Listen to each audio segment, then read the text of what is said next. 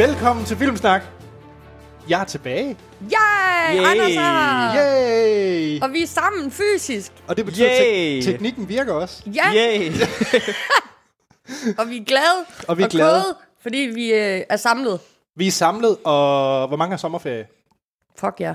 Jeg er heller ikke sommerferie. Nå, okay. Jamen, jeg... øh, Du har næst- sommerferie, Martin. Ja, cirka. Okay. Så en tredjedel af Filmsnak. jeg står med en fod i, i hver lejr. Arbejde og ferie. Okay, det lyder ikke sundt. Men vi er tilbage. Ja.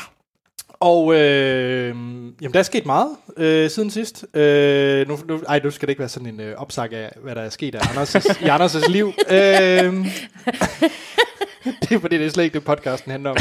er du sikker? A day in the life of Anders. Hvis vi spørger Troels, hvad tror du, han vil sige? ja, ja. Jamen, det er også fordi, Troels ikke er her, så jeg kan bare begynde at bare snakke løs om alt, hvad jeg har lyst til.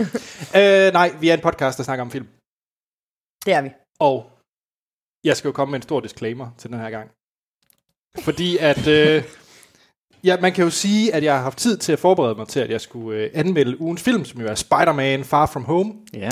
Haft god tid til det. Øh, det er faktisk en måned siden, jeg sidst var med. Øh, jeg har ikke fået den set. Det synes jeg er en enorm god forberedelse, du har gang. Ja. Ej, der, øh, der var lige lidt, øh, lidt udo med, med sygdom, så det gjorde, at jeg ikke lige fik den set. Så er det jo godt, at vi har øh, Marvel og Endgame-ekspert Martin med. Yes. Fordi Martin, hvor mange gange har du set Endgame op til Spider-Man? Det er lige med øh, 0. Og det glæder jeg mig utrolig meget til at snakke om øh, oplevelsen ved at se Spider-Man Far From Home, når man ikke har set Endgame. Ja.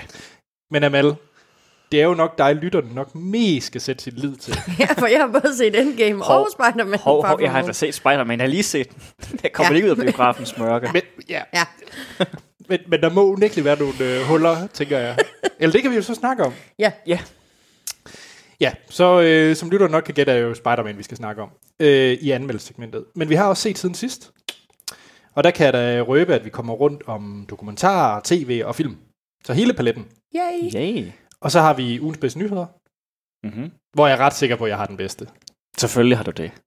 Det er du altid sikker på, Anders. Jamen, jeg- den her gang er jeg helt sikker. Okay. Hvad er det? At, øh, ikke flere Star Wars-film? nej, nej, det kommer vi til. Øhm, jamen, jeg tror egentlig, øh, det var det. Amal, kan du ikke hjælpe med lidt husholdning? Ja.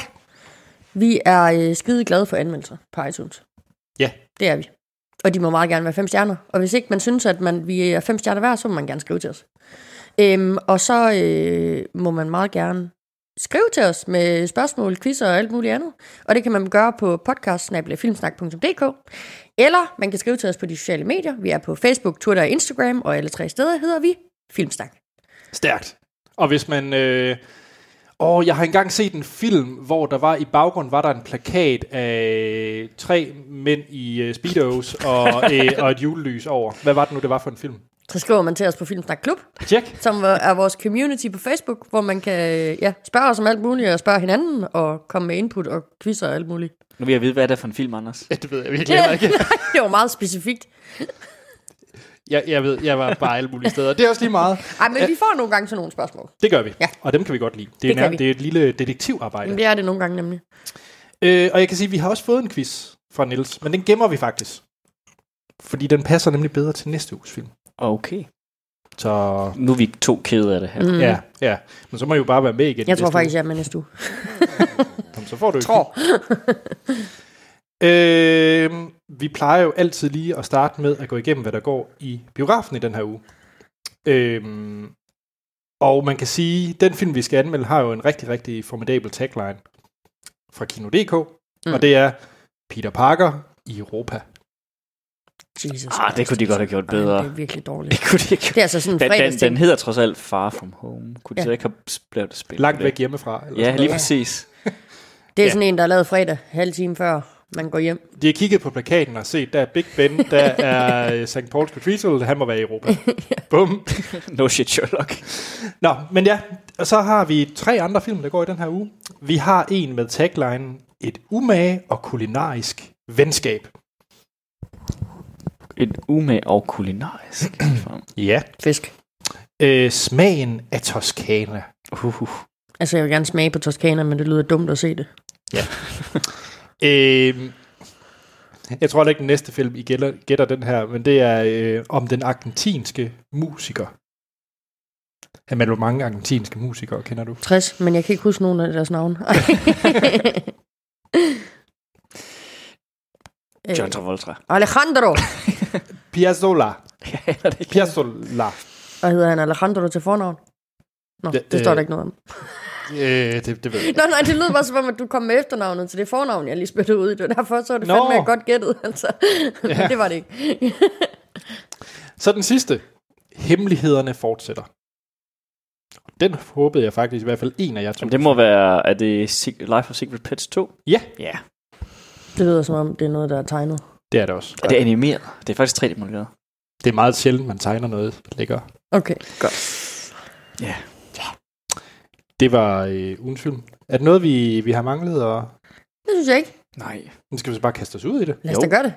Se siden sidst. Hvem vil starte? Det kan jeg godt. Tjek. Jeg har set Hellboy. Ja. Ja. Og så skal vi lige... Er det den med ham fra... Er det ham politichefen, eller øh, fra Stranger Things? Ja, det er David Harbors, øh, øh, hvad hedder han, øh, Hellboy. Øhm, ja, og øh, hvis ikke man kender Hellboy, så synes jeg, at man skal sætte sig ind i, hvad det er, fordi det er lidt en besynderlig størrelse. Øh, men, øh, men vi anmeldte den jo her i Filmsnak. Anders, du var med til den, var du ikke? Jo, det var jeg. Og du var faktisk øh, ret positivt stemt over for den, var du ikke, så vidt jeg husker? Jo, men øh, jeg tror også, det der var mest flag ved filmen, det var jo dem, der har læst tegneserien, og det har jeg ikke. Altså, jeg, så, mm. jeg gik bare ind og så film, og så tænkte, det her det er et vanvids øh, voldsorgie med fedt musik og fede visuals. Ja. Jeg elskede det. Ja. Jamen, det, jeg er med dig langt hen ad vejen. Jeg elskede den faktisk også. Mm. Øh, Hvor, hvor, hvor ligger den hen i forhold til de andre to film? Har det noget at gøre med dem overhovedet? Eller? Nej, det er en reboot, er det? Ja, og det er en, altså, øh, det er, den starter tidligere i fortællingen, end de Okay, gjorde. ja. Øhm, øh, der er nogle karakterer, som er med i de, de andre film, der som vi bliver introduceret til, men ikke, som ikke er med, du ved, men hvor man Okay, de sådan er, man ja. ved, de er der Så i det er, en, det er en, en ja, reboot af prequel, ja, eller ja. ja. Øhm, Men jeg, den blå fidus er ikke med, for eksempel. Nej. Jeg har glemt, hvad den blå hedder. Det kan jeg heller ikke huske. Øh, men Ian McShane, han spiller jo hans, øh, hans far i den her inkarnation mm. af Ja. Hellboy, og jeg elsker jo Ian McShane, øh, blandt andet fra Deadwood, men også fra American Gods, den Ja. ved jeg ikke, om I har Jamen, fanget. han, han er en god skuespiller. Ja, han er vildt fed. Øhm, men det der, det der sådan, det jeg øh, måske er min anke ved Hellboy, det er, at dialogen godt kunne være mere intelligent skrevet. Det, det er nogen, altså nogle stykker i dialog, det er for vores skyld. Altså det er sådan en opremsning, så Okay. s- altså biografgængeren ligesom, eller For dem, som ikke har læst tegneserien. Lige præcis. Nej, men det er også, nej, det er også en... Det er også en måde, hvorpå... At for, altså, det er bare det, det, der er gået forud. Det, vi skal vide, for at vi ligesom kan, kan forstå det, der sker i filmen nu, det bliver bare ramset op, i stedet for, at det bliver sådan, at det kunne være flettet ind i noget dialog intelligent. Og det er især i starten, hvor det kommer, hvor Hellboy, han er sendt afsted til, til Mexico for at hjælpe en, en af deres agenter, der har været siddende afsted dernede, og introscenen, der sidder han så i sin bil og sidder og snakker med sin far over højtaler på iPhone, og så siger faren til ham, ja, øh, vi sendte jo Ruiz derned for to uger siden, og vi har ikke hørt fra ham. Altså du ved, så den der måde, hvor det bliver sådan meget ja, in your så man, face-agtigt. man, man, man fortæller noget frem for at vise Lige det. præcis, ja. ja. Og det kunne man bare have gjort på en meget mere intelligent måde. Fordi jeg synes langt hen ad vejen, det er en fed film, som du ja. siger, Anders. Musikken den er vanvittig fed. Øh, og det er jo bare et voldsorgie af en anden verden, som er mega fed. Og Mila Jovovich, hun er med i, og hende Hun er bare jeg. altid insane. Jamen, det er hun bare. hun er mega sej, Mila Jovovich. Men, men jeg synes helt sikkert, at man skal se den, hvis man bare har den mindste interesse øh, for Hellboy. Øh, og David Harbour, han gør det også godt. Og det er også vildt så lidt, man kan se det ham, fordi man kunne egentlig godt se Ron Perlman ind under Hellboy. Ja, ja. Men man Ja, kan ikke se, ja. du kan ikke se David Harbour ind under, ind under Hellboy. Det synes jeg i hvert fald ikke. Jeg ved ikke, om det hjælper Martin, men jeg kan også sælge dig på, at har du set øh, Bedrag? Den danske tv-serie med, Jeg skulle faktisk... med, Jesus Christ. med Nikolaj Likos. Øh, den, der kørte på DR for nogle år siden. Øh, Jeg fik faktisk kun set et enkelt afsnit. Nå, men der kan du sikkert huske øh, Thomas Warren, der spillede Alf i den. Han er også med i Hellboy. Aha. Som hvad? Det lyder som om, øh, Martin slet ikke er med. Nå, det er måske kun en til mig, så. Jeg kunne godt lide Alf fra Bedrag, og det gjorde mig glad, at han var med i Hellboy. Hvem er han? Det er ham, øh, asiaten, der er politi- øh, hvad hedder det, er med ude øh, i det der, hvad hedder det der agent-team, fiddlyfutteren derude? Er han, er, han- det er sgu da en amerikansk skuespiller. Nej, han er dansker. Han er pæredansk. En asiat? Ja. Ja, Hvad siger du? Ej, det var ikke sådan vildt. Hvad siger du, det- han det- hedder? Jeg er da bare sikker på, at han er Thomas amerikaner. Juan. Thomas Juan. Hvis, det er, hvis han er i Danmark, så skal jeg da ud og finde ham. Nej. Han er rimelig dansk, vil jeg sige. Thomas, hvad siger du? H-W-A-N. Nu, nu googler vi lige. Det her, det er for lytterne. Der er ikke et billede af ham inde på, inde på IMDb. Nå, jeg, jeg er forundret over det her stykke information. Okay, journalisten er i gang med, øh, med research. Kan jeg se. Åh, så er det ikke ham, jeg troede, det var. Godt nok. Okay. Godt nok. Men Godt. han er stadig med i Hellboy. Okay. det, det er en god film. Det er ikke et selling point for mig, Martin. Det kan vi Nej, kan du ikke nej, mærke det? okay. Det, vi, vi, vi connecter ikke rigtig på den der information. Hvis der er en lytter, der connecter med min information, så må I gerne skrive ind på Filmsnak Klub. Hvis der er en i Danmark. Nå, men jeg vil gerne starte Thomas Juan øh, fanklub. Det er ikke noget der. yes. Nej, så jeg synes helt sikkert, at man skal kaste sig over Hellboy. Ja. Okay, fedt. men Det vil jeg Gør gøre det, så. Martin. Det vil jeg gøre. Jeg var Men glad for de andre to. til Endgame. Ja, Men det, det, det kommer, det kommer, til, der kommer, til. Det kommer til at høre for Amanda og jeg kommer med en opsang senere. Tjek. Hvem har lyst til at... Øh, Jamen, Martin? skal, skal jeg? Ja. Det er lidt... Øh, det, det bliver i sådan noget univers her. Ready Player One? Ja! Steven Spielberg. Ja. Ja. Ja. Og for Ja, folk... der er en ja, og der er en ja. Nej, men det var bare fordi, da jeg anmeldte den, der var jeg på en yeah! Og så da jeg så den igen, var jeg på en yeah! Ja. Okay. Så, så jeg er meget interesseret i, hvad din holdning. Også fordi det... Altså, hvis folk har gået ind på Letterboxd, så vil de se, at jeg nok ikke har været så ovenud positiv for den. Jeg har faktisk kun givet den to stjerner. To stjerner. Okay, det er hårdt. ja. Og, og det er... øhm, og man måske er hovedstart. Men jeg går ud fra, at nogen af lytterne ved, hvad den handler om. Men hvis ikke de gør, så handler det om, at der er folk i den her fremtids, nær fremtidsunivers eller scenarier, kan komme ind i de her virtual reality øh, universer, lidt eller alle MMO'er, RPG'er, klasker sammen til et stort univers på nettet, hvor folk ligesom kan tage de her VR-briller på, og så være i det her univers. Og selvfølgelig connecter det med den virkelige verden, og der sker nogle jada jada ting og sager. Og med ham den onde for Star Wars Rogue One. Tom Middleton. Hvilket er sejt, fordi han er bare altid sej som skurk.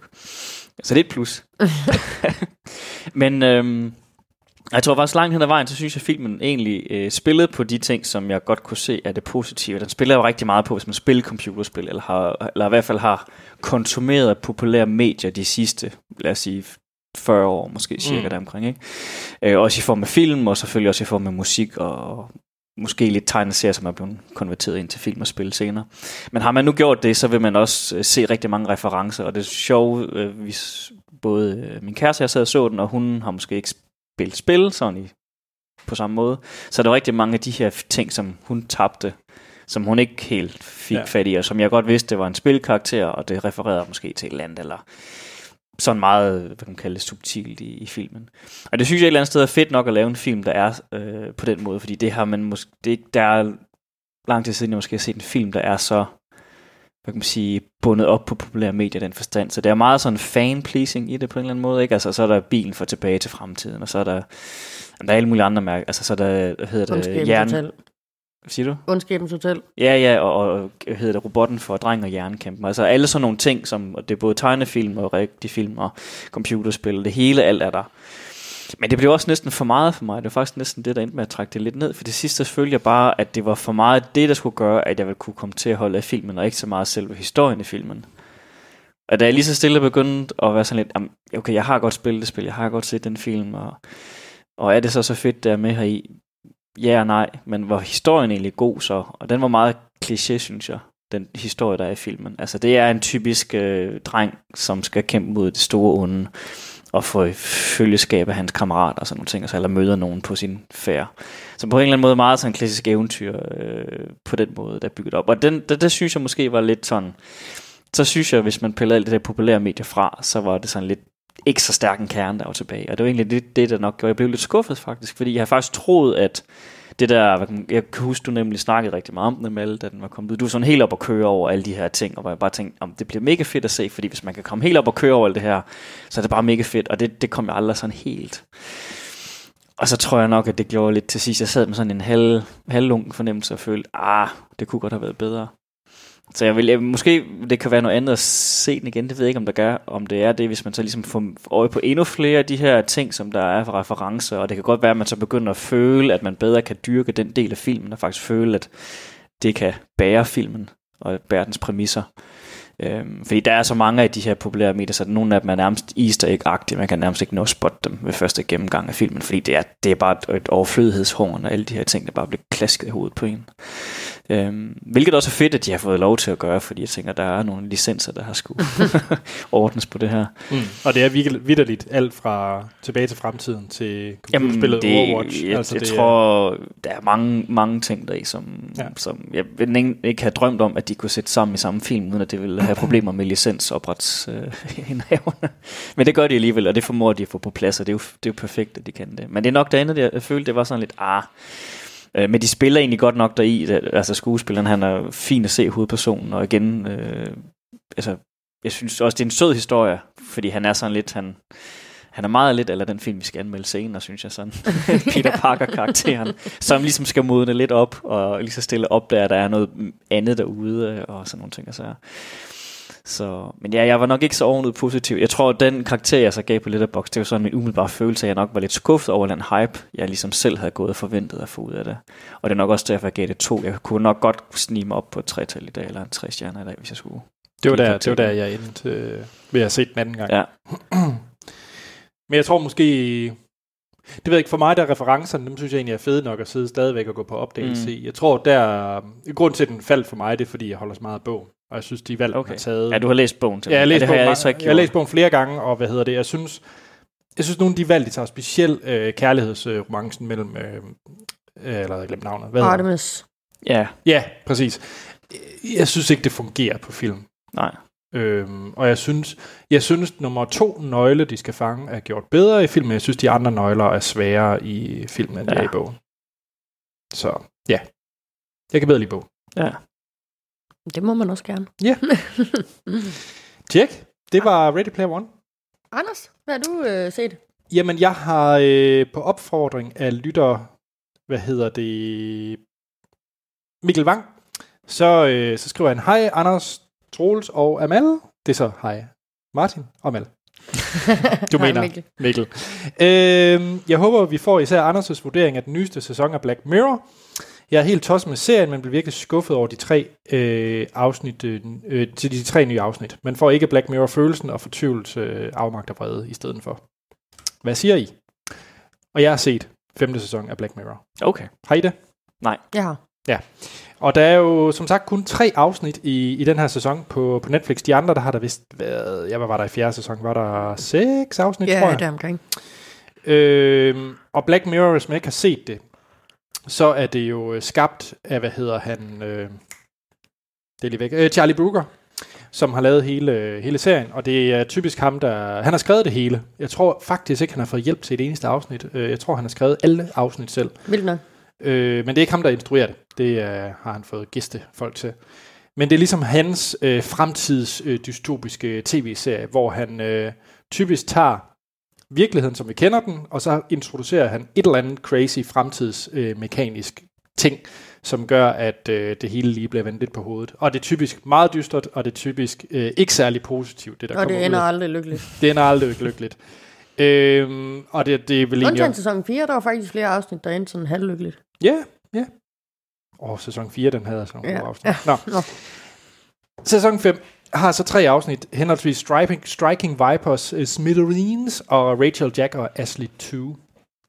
Øh, hvis jeg starter med, altså overordnet synes jeg også, det var en lidt svag sæson.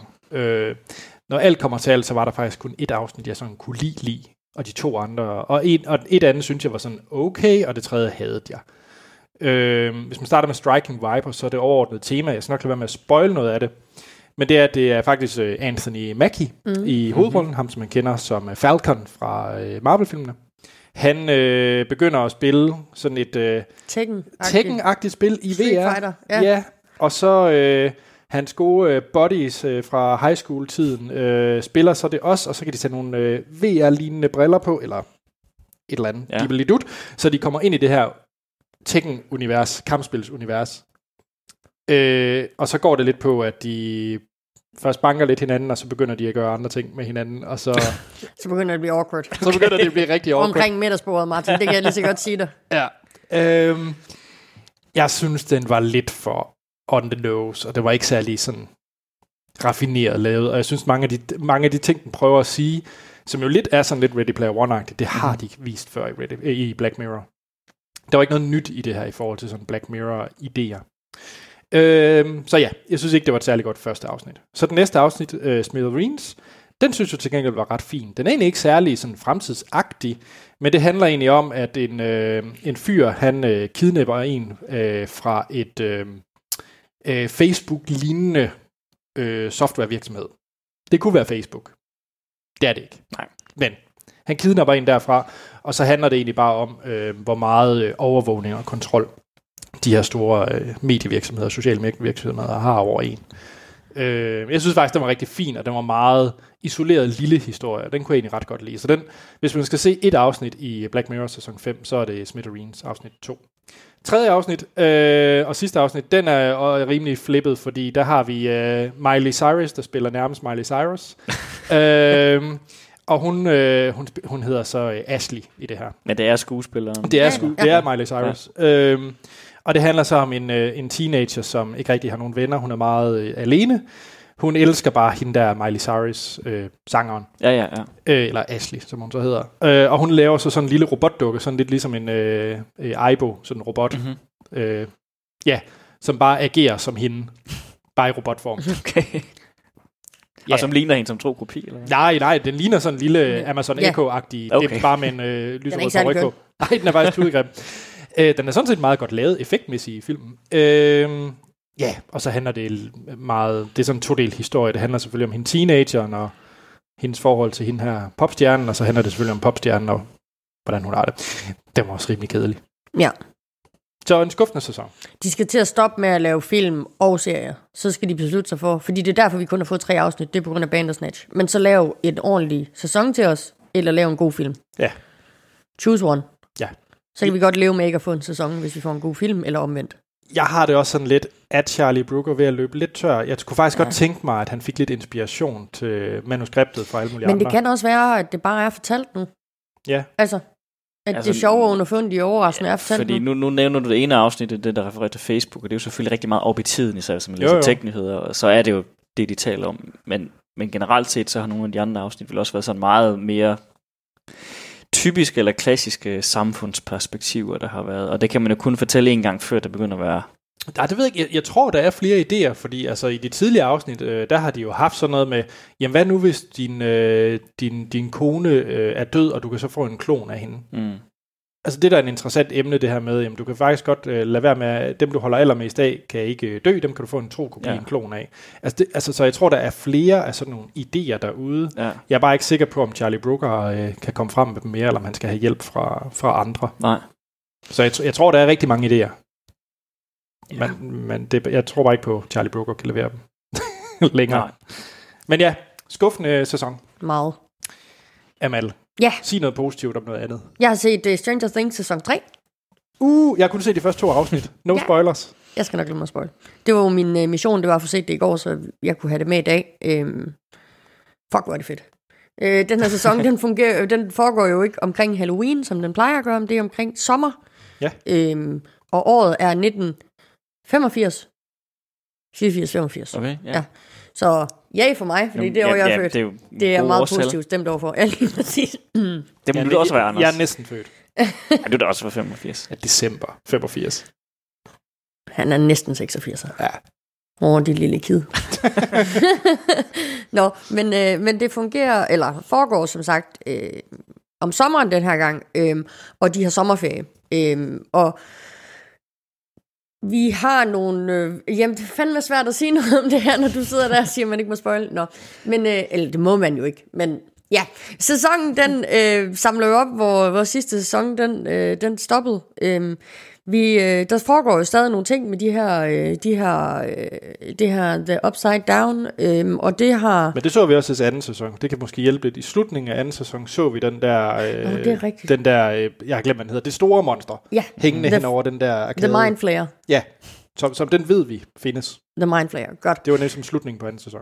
Det der, øh, det, der er lidt af temaet i den her, det er, at der er nogle andre, der prøver på ligesom at komme øh, hen to the upside down. Øh, og nu kan jeg lige så godt, det, det afslører lige, fordi det kommer ikke til at ødelægge det for nogen, men russerne øh, er i gang med ligesom at prøve at komme ind til the upside down. Okay. Øh, og det er jo lidt, eller ikke lidt sjovt, men det trækker jo også på tiden, ikke? Den kolde krig og det her, hvad mm-hmm, har vi? Mm-hmm. Øh, så så det, det, det, det, det er ligesom det, der ligesom er øh, fokus for det. Øh, og det, jeg tror faktisk ikke, den foregår over nogle dage. Altså hele, alt det, der sker, foregår ja. bare over nogle dage.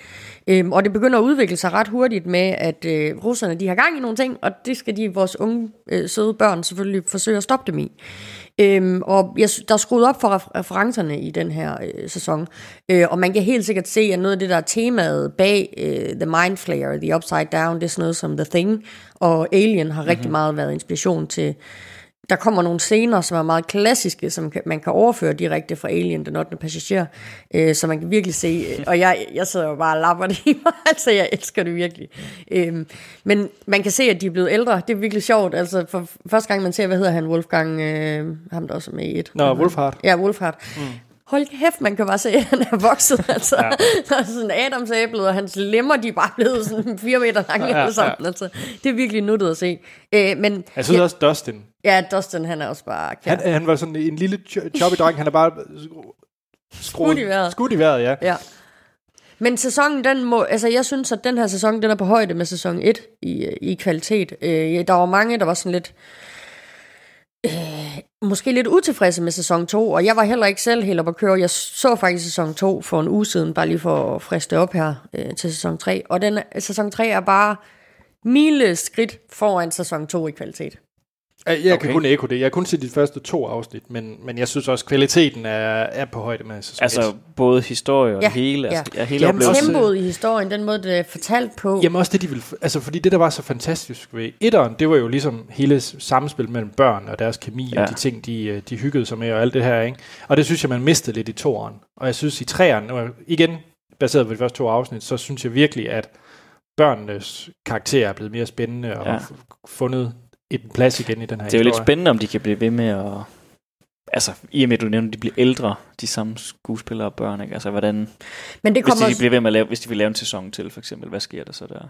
Men der kommer begynder også at komme nogle temaer ind, som jo bare er den der overgang fra, man er helt barn til man bliver teenager. Okay, så det bliver til, til sådan noget Ja, der kommer sådan noget, altså, der kommer sådan noget så modighed, at nogle ting måske ikke kan blive som, okay. altså, vil være, ja. som de altid var. Øh, man kan ikke, ja. måske ikke sidde og spille D&D i sin kælder for altid. ja. Så sådan det... nogle temaer, lidt triste temaer ja. kommer op, fordi jeg har lyst til, at de bare skal spille Dungeons and Dragons forever. Øh, og så faktisk en mega sej karakter, der, øh, der kommer med i den her omgang, det er, øh, det er hvad hedder han, øh, den sorte dreng, hvad nu han hedder? Hans øh. lille søster, Erika, hun får det en... Har jeg ikke set. Ja. Nej, nej, jeg, nu siger jeg bare, jeg siger bare, hun får en rolle i den her sæson, no. og fuck, hvor er hun sej. Okay. Altså. Ej, det var hun også i sæson 2. Ja, hun, øh, der bliver skruet op for the okay. sassiness, lad mig sige det på okay. den måde. Fedt. fedt, fedt, fedt, fedt. Så, kom i gang. Yes. Ja. Ja. Martin. Martin. Jamen, øh, jeg er ikke helt færdig med sæsonen. Det må jeg så komme med den. Det er sådan halvvejs igennem at se Chernobyl. Ja. Uh. På Netflix. Den Nej, undskyld, HBO. Hans og Dennis snakket rigtig varmt om. Ja.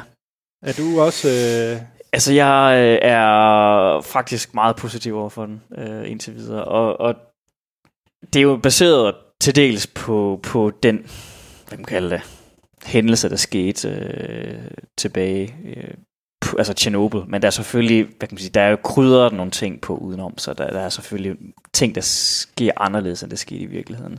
Men det er jo baseret på den gang, at uh, Chernobyl-ulykken den skete. Og jeg synes, den er bygget, øh, den er jo, så det er sådan lidt ligesom at se sådan en, en hvad, hvad kalder man sådan nogle drama, skråsøj, dokumentar mm. serie, så den prøver på nogle måder at være sådan lidt præcis omkring det, så alligevel så er den selvfølgelig ikke, fordi så er der noget, det, det er for, kan man kalde det for fantastisk til det sker sådan i virkeligheden.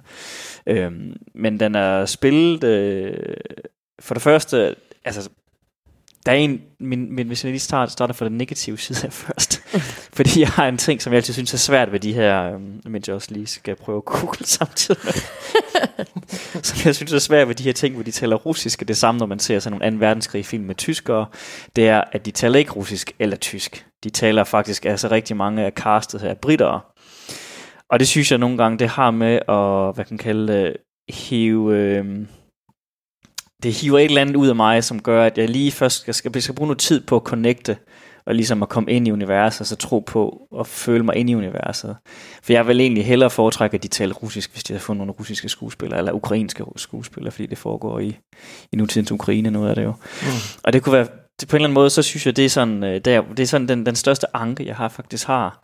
Jeg synes, jeg har knap så meget imod det her øh, videnskabelige, som, som er blevet skruet nogle flere tak op, end hvordan det fungerer i virkeligheden. Altså, der er ting her i, som bare er mere sådan, altså, den, for at starte med, folk ikke ved, hvad Chernobyl handler om, så handler det selvfølgelig om den her atomkraftværk, som, øh, hvor der sker en ulykke, så der går hul i reaktorkernen. Øh, og de behandler så det her øh, radioaktivitet ret meget som om det er sådan en form for epidemi, eller pest, eller sygdom, der kan smitte på en eller anden måde. Er det som om, at, om, at hvis man rører ved noget ved en anden persons, jamen, så har jeg også fået den agtig sygdom, og så dør jeg også lige om lidt. Og der er sådan nogle ting, hvor det er sådan lidt, det er lidt på spidsen, øh, men selvfølgelig så skaber det en anden form for, hvad kan man kalde det, øh, stemning omkring, at det her det er må sige, øh, dramatisk og mm. traumatisk samtidig for de her mennesker, fordi det hele det bliver bare lige pludselig sådan meget, de kan ikke, altså det, det, alle bliver eksponeret for noget radioaktivitet på en eller anden måde, og det synes jeg selvfølgelig er en god måde at prøve på at vise, hvor slemt det egentlig var, fordi det var selvfølgelig, altså helt tilbage, jeg kan i hvert fald huske at få fortalt historie om, at her i Danmark, der fik man at vide, at man ikke måtte sætte øh, barnevogne udenfor, med børn at sove i, i den periode, fordi der kom, altså det blev båret med luften, det her, de her partikler. Øhm, men, der er sådan, det, men det synes jeg er knap så stort problem, hvis man sådan kigger på det. Øh, det jeg synes til gengæld er enormt fedt øh, ved serien, det er til gengæld, at de skaber sådan lidt den her form for dystre stemning, hvor man ikke helt ved, hvad der foregår, men på den gode måde, at man bliver altid sådan holdt lidt som ser man ved egentlig godt, at det er gået grueligt galt ret tidligt i, i første afsnit, øh, og det er jo fordi folk ved godt, at det er en virkelig hændelse. Men det er alligevel som om, man, man prøver at bygge op, at man alligevel ikke helt finder ud af, hvor slemt er det. Der er, man følger i starten sådan nogle af de her øh, ansatte på det her atomkraftværk, øh, nogle ingeniører, atomingeniører og reaktoringeniører, og, de, og det er lidt sådan fra deres perspektiv, at nogle af dem, de ved ikke helt, hvor slemt det er. De står midt inde på det atomkraftværk, og faktisk så står de lige ved siden af, at der er en reaktorkerne, der sprung i luften. Så det, de står ved siden af, det, det har allerede dræbt dem. De ved det bare ikke, at de er døde nu, faktisk. Og det synes jeg, den måde, at man lige så stille som ser, få afsløret det i løbet af afsnittene, hvor slemt det her egentlig er, uden helt, altså man kan godt forestille sig, at de er døde selvfølgelig, men, men hvor, hvor, hvor stor en påvirkning det har. Det synes jeg er enormt fed øh, virkemiddel, og jeg, det er lidt svært at sige, hvad de præcis gør, nu har jeg selvfølgelig ikke set de sidste afsnit færdige nu. Men det er, det er sådan den her med, at man lige giver nogle hint af, at det her det er selvfølgelig virkeligt, så I ved jo godt ser, hvad der skete. Mm. Men alligevel så, så krydder vi det med det her fiktion, som gør, at vi kan prøve at bruge de her klassiske historiefortællermidler og virkemidler, så man stadigvæk bliver holdt sådan lidt på kanten af sofaen, så man ikke helt får afsløret, hvad det egentlig sker. Øh, det er jo den ene måde at gøre det på, og den, og den anden måde, det er selvfølgelig også, at de prøver at opbygge en vis relation til nogle af de her karakterer, der, der er med der. Jeg nu kan jeg ikke engang huske, hvad han hedder skuespilleren. Det er jo egentlig det, jeg vil prøve at finde. Øh, jeg stiller Sten og Skarsgård med der med, som en af de her, øh, hvad kan man kalde det, russiske embedsfolk, ministre, som bliver sendt ned for at undersøge det. Men også ham, der er med i Kongens Tale, som jeg simpelthen har glemt, hvad hedder. Ja, ham, der hedder Jared Harris, ja. der spiller videnskabsmand. Ja. ja, og han er enormt fed her i faktisk. Øh, ham, det er ham, man følger som hovedperson, og han bliver simpelthen øh, sendt herned også øh, for at undersøge, hvad der er sket. Og det, det interessante ved det er jo, at vi som ser godt ved, hvor slemt det lidt er, fordi vi har set noget hernede fra, da første afsnit starter, men når man så kommer videre, så bliver de her folk sendt ned for at undersøge det. De ved ikke, hvor slemt det er, og der er rigtig meget sådan en, det kan ikke ske i virkeligheden, det der er sket. Så der er ingen, der tror på, at det er sket så slemt, som det er. Og det er nok også en af de måder, hvorpå de ligesom kan bygge det her dilemma op, eller at vi så lige så stille får de her brudstykker. Øh, men jeg synes, det er en enormt spændende måde, det er gjort på. Så jeg, jeg synes, man sidder ret meget på kanten hele tiden, når man tænker, hold op, altså hvorfor stikker de ikke bare alle sammen af? Men de ved det selvfølgelig ikke. Og så får man også sådan lidt, ah, er det virkelig så slemt? Jamen, så burde jeg vel også selv begynde at stikke af, hvis det var. Og det er, sådan, øh, det er bare enormt fedt. Det er meget sådan skummel på en eller anden måde, ja. for at sige det. Øh, sådan meget, hvor man tænker, hvis det virkelig var sket i virkeligheden, det er godt nok utroligt, at altså noget kan være så kraftfuldt altså så mange menneskers liv, der bliver påvirket af det, øh, på en enormt grufuld måde. Altså der er nogen, der decideret, de bliver ristet i liv, ikke? Altså på stedet, på grund af det her. Øhm, og det er meget sådan, at, at man ikke vidste bedre, øh, selvom det ikke er så mange år siden. Altså det er jo i vores egen barndom, at det mm. er sket. Mm. Ja. Jeg, jeg, Så. jeg kan ikke vente med at se den. Jeg har kun Så. hørt øh, positive ting, men jeg har ikke selv fået den set endnu. Nej. Jamen, Ja, jeg synes, den er enormt spændende at se, og så er den enormt flot Ja. lavet, altså Ja. cinematografisk og så videre, enormt flot lavet også. Øh, ja. Lydsiden, den er også... Ja, altså det, det er meget, den bruger sådan moderne musik. Ja. Øh, jeg vil ikke kalde det elektronisk musik. Øh, så der er sådan lidt, og det gør nok også med til at blive sådan lidt skummel en Ja, ja. Meget Så meget, meget eerie, ja, dystert øh, følelse hele tiden. Og ligegyldigt hvor de er henne, og ligegyldigt om der lige er sket noget godt, så er det hele tiden stadigvæk sådan lidt skummelt. Fedt. Chernobyl, og det er på HBO. HBO, ja. Yes. Ja. Fem afsnit. Ja, det er en meget kort miniserie. Ja. Så. Jack? Anders, Ja, hvad har du... Øh... hold nu op. Nu skal bange. vi, nu skal vi snakke om en lækker bisken. Jeg er bange. Jeg har set en af de flotteste og mest spektakulære dokumentarfilm, jeg har set længe. Øh, hvad handler den om? Øh, Ringkøbing? Downtown Nå, Ringkøbing. noget, der er næsten lige så stort, nemlig månelandingen i 69. Uh, har du set den? Apollo 11. Ja. Ja. Øh, den gik på Sundance øh, i år. Øh, det var en af dem, jeg desværre ikke fik øh, billet til at se. Øh, men nu er den der. Nu er den her. Man kan købe den i hvert fald på amerikansk iTunes. Det var der, jeg købte den. Øh, og det er en fuldstændig spektakulær film. Øh, det er... Øh, den er lavet af CNN, og så sammen... Øh, altså det er Todd Miller, der egentlig har, har lavet den som instruktør. Og han har fået adgang til en masse arkivmateriale øh, materiale fra, fra selvfølgelig fra, fra, fra 69, hvor det fra alle mulige forskellige kilder, altså det, øh, og så har han så samlet den her dokumentarfilm, og der er ingen talking heads, der er ingen forklaringer, der er ingenting. Du starter med, at Saturn 5-raketten kører hen på launchpad, og så hører du egentlig bare alt fra Mission Control og vel. Der er ingen forklaring i den her film. Så Du ingen kører- sådan klassisk fortæller eller Nada. noget som helst? Eller Der er- interviews med deltagere? Ingenting. I, nej. Ingenting. Det er, Ej, ren, øh, det er ren, at du starter med Saturn 5-raketten, og så kører du bare alt fra Mission Control, og du ser det hele, alle billederne. Du ser folk, der står og, og, og, øh, og bare bliver betaget af det her, ja. Ja. øh, den her opsendelse. Men jeg, og, og Martin, jeg vil ønske, du, du ser den her film, fordi jeg kan ikke forstå, hvordan de har fået de her billeder så skarpt. Jeg sidder og ser det på... et- Og det hele er det originale Det- der Der, er er ikke noget... Øh, Der er ingen rekonstruktion. Nej. Alt det er... Øh, det, det, jeg har også lige været inde og tjekke, for jeg skulle virkelig... Jeg har været inde og tjekke mange gange, men det er udelukkende brug af arkivmateriale, den Ja. her film. Og jeg kan ikke forstå det, fordi øh, jeg sad og så det på øh, 4K OLED HDR Spitsen øh, klasse øh, TV. Jeg har lige fået nyt. Ej, tillykke. Tak. Og velkommen Øh, i klubben. Tak. Og det er... Jeg kan ikke... Altså, hvis du så... Okay, hvis man tager den der... Øh, lad os sige, Quentin Tarantino, han laver lige den der Once Upon a Time en bla bla bla, og det foregår vist nok i 70'erne. Hollywood. Ja. Øh, Apollo 11-filmen, det lige, den ser bedre ud end den film, sådan ren øh, skarphedsmæssigt og detaljemæssigt. Jeg kan ikke, og det er 50 år gammelt materiale. Ja, vildt. Jeg kan ikke, altså, at sidde og kigge på øh, inden for Mission Control, hvordan de sidder og laver tegner og ting på deres papirer. Du mm-hmm. kan læse, hvad de skriver på deres papirer Ja. i en eller anden mand ude i baggrunden. Det er så skarpt, du kan se, Ej, hvad han vildt. skriver Du på. må have, hvad, hvor stor er tommer dit tv, hvor du kan se det? Det er 65 tommer. Ah, okay. Øhm, men det er ja, mindboggling. Jeg har også været inde og læse om, at de har udviklet alt muligt software til at øh, touch ja. Det her gamle filmrulle op, og de har siddet i specielle rum og taget de her gamle øh, filmstrimler og digitaliseret dem Mm. med en eller anden speciel teknik. Og jeg vil sige, øh, 20 minutter inden, hvor det er, man ligesom fyrer raketten af, Saturn 5-raketten af, jeg, var- jeg var næsten ved at fælde en tårer over, så smuk var det. Am, am, det var sådan hele den der med betydningen ved det, ikke? Og den der øh, verdens øh, e- e- event, der, der ligesom er worldwide, mm. som vi ikke har set siden. Jeg ved ikke, hvad det skulle være, vi sådan har. Der er ikke noget. Og, Ikke, ikke, ikke på den måde, nej. Altså, Da så Felix vi- han sprang fra The Edge of Space. og vi alle sammen tog en Red Bull. Altså, jeg, jeg, jeg, jeg, jeg er så ked af, at vi nu 50 år efter stadigvæk ikke har haft det der øh, moment, hvor vi alle Mm. sammen sidder Ja. klistret til tv'et, eller tager øh, flyveren til Florida for at være med til opsendelsen. Det kommer jo så måske snart. Jamen, forhåbentlig, forhåbentlig, fordi jeg, jeg synes virkelig, det var bjergtagende at se det der øh, raketcentersted med de optagelser og den detaljegrad og mm. den speak, og se, sidde og se alle, der øh, bliver betaget af opsendelsen Men, på... men, men nu, nu hvor hverken er den klassiske med, der er en, en fortæller, eller der er interviews med nogle af deltagerne i den her begivenhed, er det så bare sådan en form for montage, man sidder og ser, eller hvordan er det ligesom konstrueret sådan narrativt? Er der en form for... Jamen, du kender jo et eller andet sted narrativt, ikke? fordi du ved jo, at de skal lande på månen. Ikke? Mm. Øh, så, så du ved jo udmærket jamen, så bliver raketten sendt afsted.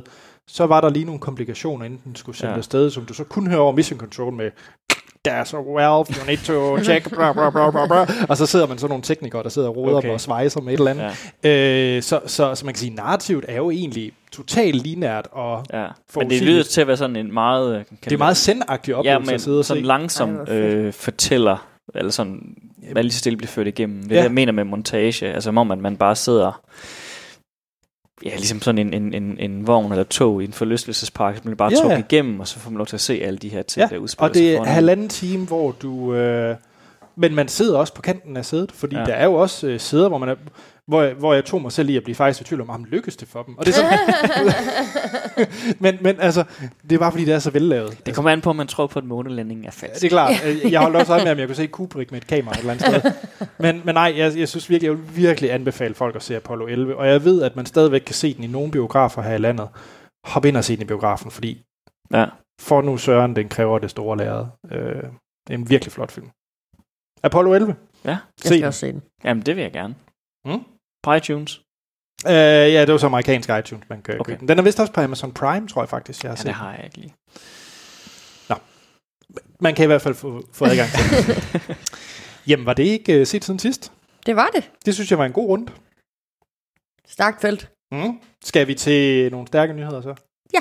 Tjek, de kommer her.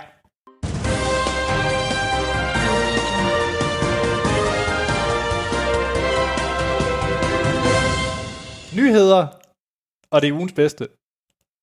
Det er det. Jeg har den. Jamen, det kan godt være, men Martin har den i hvert fald ikke. Nej, skal vi ikke næsten starte med... Jamen, det er ikke, fordi jeg vil være ond, Martin, men din nyhedens natur gør, at det ikke kan være ugens bedste nyhed. Nå, fordi det, er- det ja. Tjek. Det er først nu, du kommer i tanker hvorfor. Nå, Martin, du har jo du, du er altid den glædelige brækker af, af nyheder. Det er igen, øh, hvad hedder det, hvad hedder, den sektion i avisen? Øh, Øh, Nekro. Nekrolog-sektionen i Filmsnak. Ja, Nå, men, men ja, desværre endnu en stor øh, dansk animationslegende øh, er gået bort, og den her gang er det desværre Kai Pindal.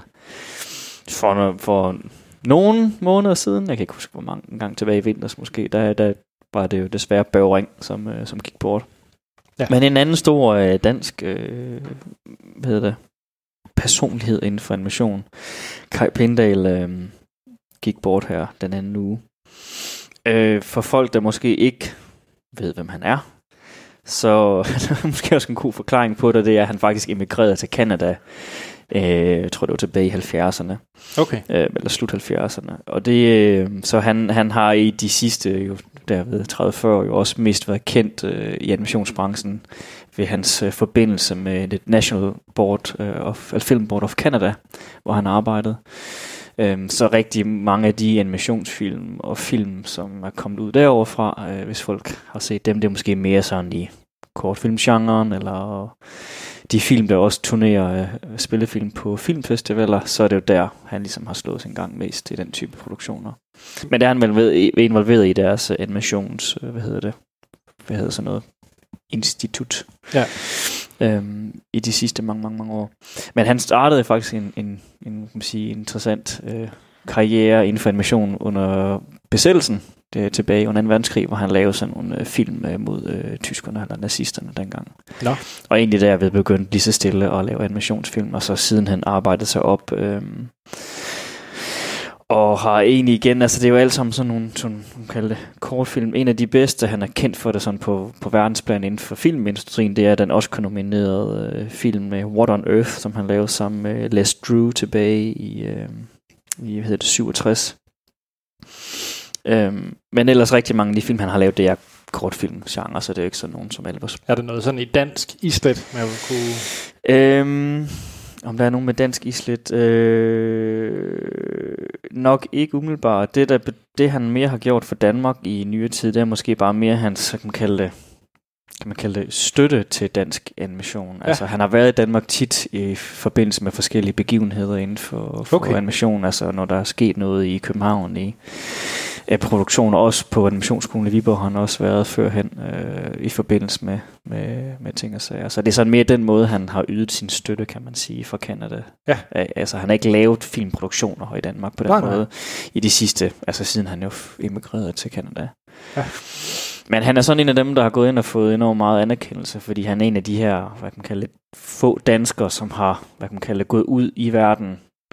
Vi har jo selvfølgelig, vi har alle sammen måske kender Ternet Ninja og Rejsen til Saturn og så videre. Ja, ja. altså alle de her øh, animationsfilm, ikke, og Hjælp jer en fisk. Men det er jo ikke film, som, altså det er jo, selvom de er gået lidt ud og blevet anerkendte uden for landets grænser, så er det jo stadigvæk også film, der foregår og lavet rigtig meget af den her danske filmindustri. Men der er de her få, der ligesom er gået ud over landets grænser. Kai Pindal, den ene af dem, og Børge Ring, der tog til Holland, og så nogen måske også kende uh, Jørgen Klubin, som jo har været ved, ved Pixar i mange år. Og især, I dag er han så ikke længere ved Pixar, men altså som er de her, der har gået Mm. ud og ligesom har opbygget sig en form for personlighed derude. Har vi nogen derude nu, sådan at de... Vi har jo selvfølgelig måske nogen, der er up and coming, men vi har, altså Jørgen Klubin måske er en af de eneste, der så, jeg vil sige, han er en af de andre, som er i den her samme kategori som Kai Pindal og Børge Ring. Ja. Og han har så været mere involveret i de her mere kommercielle produktioner, som Disney og Pixar og DreamWorks øh, produktioner. Men ellers så har vi nok ikke nogen, som på den samme måde er derude lige nu, men der er selvfølgelig nogen, der kommer. Men det er selvfølgelig ikke noget, man kan spå om. Nej, nej. det kræver jo også, at tingene og kortene falder øh, til deres fordel. Tjek. Jamen, øh, og han blev øh, en Han blev en gammel mand, han blev 91 år gammel. 91. Sådan, det, det er udmærket. Det må man sige. Det er godt gået. Ja. Tjek, det var lidt triste nyheder, øh, Amal. Kan du hive den lidt op? Lidt. Lidt. Okay. Lidt for meget for mig, men jeg ved ikke med, de, med jer andre. Nå.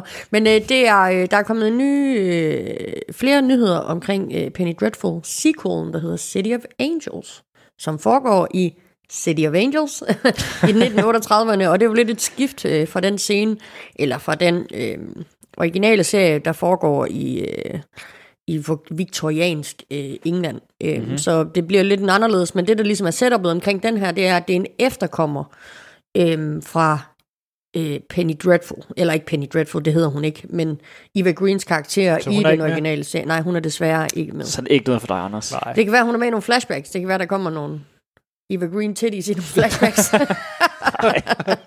Er det det eneste, du er ude efter, Anders? Ikke det eneste. Men også det. Nå. øhm, ja, og den foregår som sagt i 1938'ernes øh, Los Angeles. Øhm, og det, der ligesom er setupet, det er, at der sker et bestialsk mord, der ryster byen, og så skal det her mord så opklares. Øh, og derfor bliver hovedpersonen en politibetjent. Øhm, blandt andre, og så den her efterkommer. Øh, og det lugter lidt af, at setupet bliver lidt ligesom i den originale serie, at der sker noget i byen, og så er der en politibetjent, og så øh, en efterkommer af Eva Green, der skal, der skal hjælpe hinanden med at opklare de her mor. Øh, men der er faktisk også nogle ret spændende skuespillere, der skal være med i den her omgang. Der er blandt andet øh, Natalie Dormer fra øh, Game of Thrones, Okay. øh, men også, hvad hedder han, øh, Nathan Lane. Ham har jeg altid været vild med. Ham kan jeg så virkelig godt lide. Er det Ja. mig? Mænd mig lige om, hvad... Jamen, hvad har han ikke været med i? Han er en af de der øh, mennesker, der har været med i rigtig, rigtig meget. Øhm, han har Modern Family, hvor han spiller Pepper Saltzman. Nå! Glad. nu ved jeg faktisk godt, hvem det er. Ja, tjek. du havde ikke brug for at vide andet, han Nej, var nej. Pepper i. Øh. han er virkelig en fed karakter. Øhm, ja, øh, så det er sådan lidt, øh, ja, setupet. Og der er desværre ikke den eneste karakter, der går igen, eller den eneste skuespiller, der kommer til at gå igen, det er den person, der spillede Creature i Penny Dreadful, som er den store fjende, eller sådan mm-hmm. en arkefjende. Ja. Øh, så jeg formoder, at han på en eller anden led øh, overlever det, der sker i Penny Dreadful, og så... Det er øh, en spoiler, hvis ikke man har set de andre. Ja, men det, det er ikke en spoiler. Nej, okay. Øh, så, så ja, det, det må næsten være sådan noget siden, at han er med igen, fordi han spiller, det er den samme skuespiller, han spiller den samme karakter nemlig også. Okay, Så, det ved man allerede nu. ja. Ja, så det er lidt spændende, men det skulle komme her i øh, 2019, påstår de. Og normal Penny Dreadful er slut. Er slut, ja. Ja. Ja, Tjek. ja øh, det sluttede øh, ret, det var ret definitivt, Okay. slutningen. Ja, Okay. det var ikke sådan en, Jeg har desværre ikke fået det set. Penny Dreadful. Hvor vil man kunne se det henne? Sidst jeg så det, der var det lå det på HBO, øh, Okay. og der er tre sæsoner Ja. med sådan 10 afsnit i hver ja. eller sådan noget. Okay.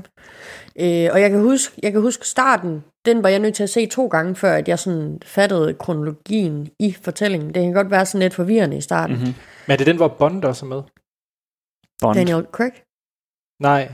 Timothy Dalton. Ja, ja, ja, ja. Han spiller hendes, øh, han Ja, ja, ja. ja. er hendes følgesvend. Ja. Ja. Altså, han har også været Bond. Han er Ja, mega ja, ja, sej. ja, ja, Nej, det er ikke Timothy Dalton. Det er, hvad han hedder.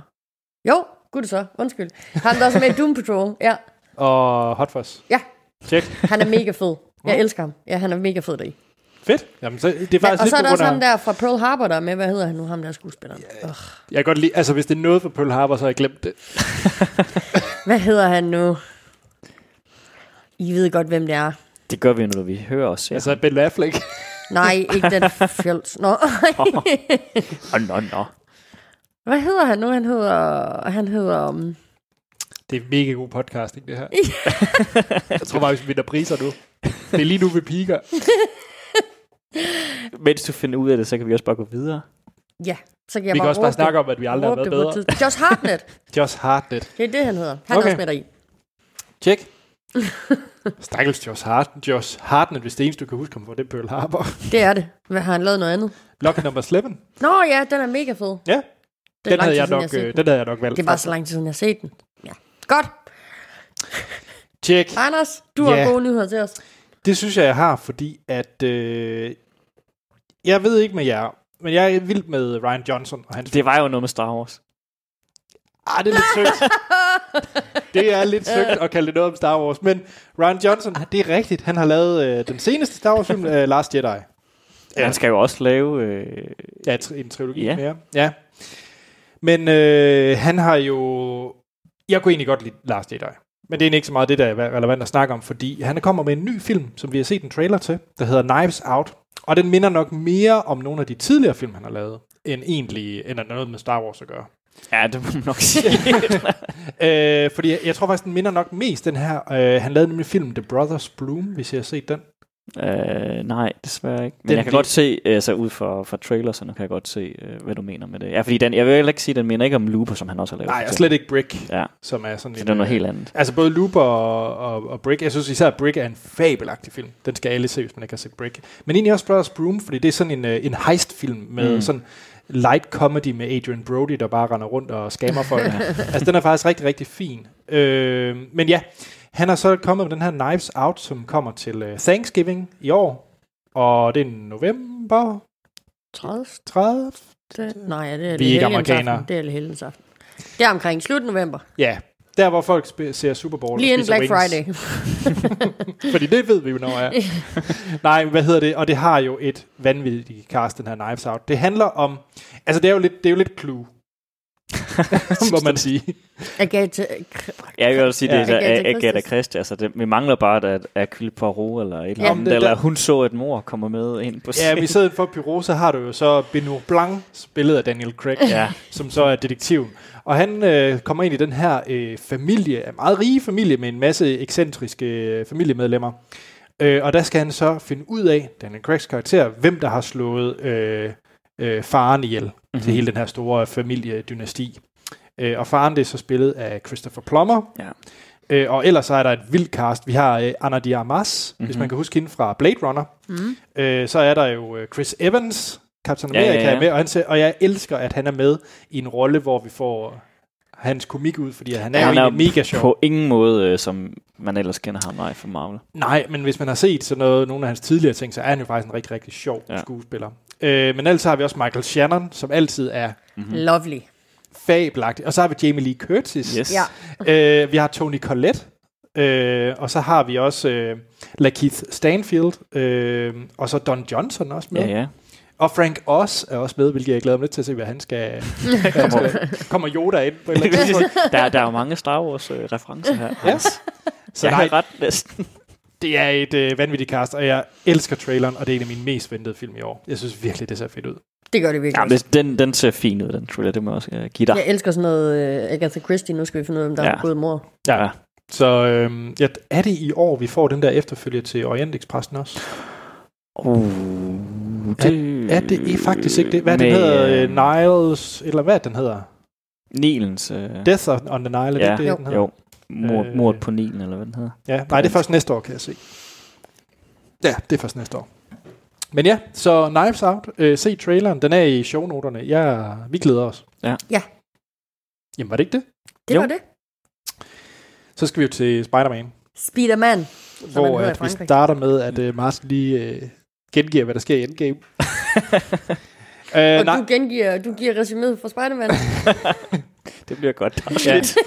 Ej, vi skal lige komme med en disclaimer, øh, og disclaimeren er kun sjovere nu, fordi Martin ikke har set Endgame. Men faktisk så, øh, hvad hedder det, hvis man ser traileren til Spider-Man, er der faktisk for første gang, hvad jeg kan huske, en spoiler warning til en trailer. Fordi hvis man sætter traileren på Spider-Man, så fortæller Tom Holland, skuespilleren Spider-Man, at hvis man ikke har set Endgame, så skal man lade være med at se traileren til Spider-Man. Fordi den spoiler, hvad der sker Jeg i har Endgame. altså set den trailer, Anders. Og det var der Martin han tænkte, fuck det, han, du skal ikke bestemme over mig, Tom Ja. Holland. Så jeg han, siger- han lå ved med at Men nu er det jo en servicebesked til vores lyttere, Ja, så vi vores andre lyttere ikke det findes ikke, så det er faktisk bare lidt sjovt, at jeg skal sige det her. Men hvis der er nogle lyttere, der ikke har set Endgame, men som gerne vil høre om Spider-Man, så, så Martin, øh, du skal ikke lytte med mere. Lad være med at lytte med mere. Jeg snakker kun fra nu af. Tjek, her er et lydklip fra Spider-Man Far From Home. Everywhere I go, I see his face. I just really miss him. Yeah, I miss him too. I don't think Tony would have done what he did if he didn't know that you were going to be here after he was gone.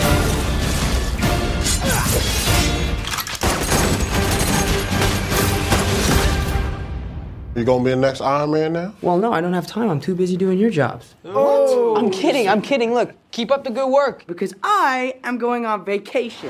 Yes, det var et lydklip fra Spider-Man Far From Home, og øh, jeg har som desværre ikke set den.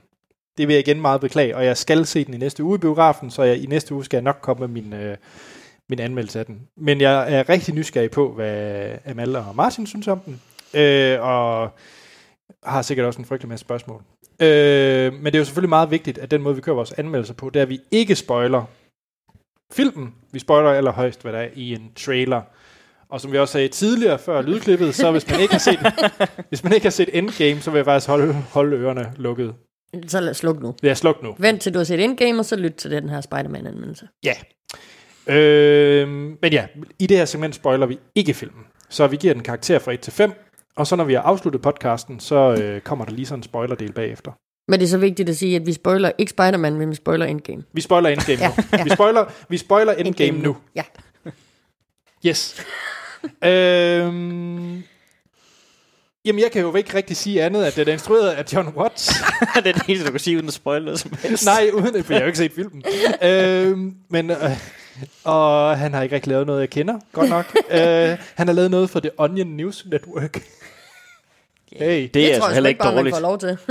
Og, og han har lavet en kortfilm om Swedish House, House Mafia. Nå, Fedt. ja. Øh, det er det.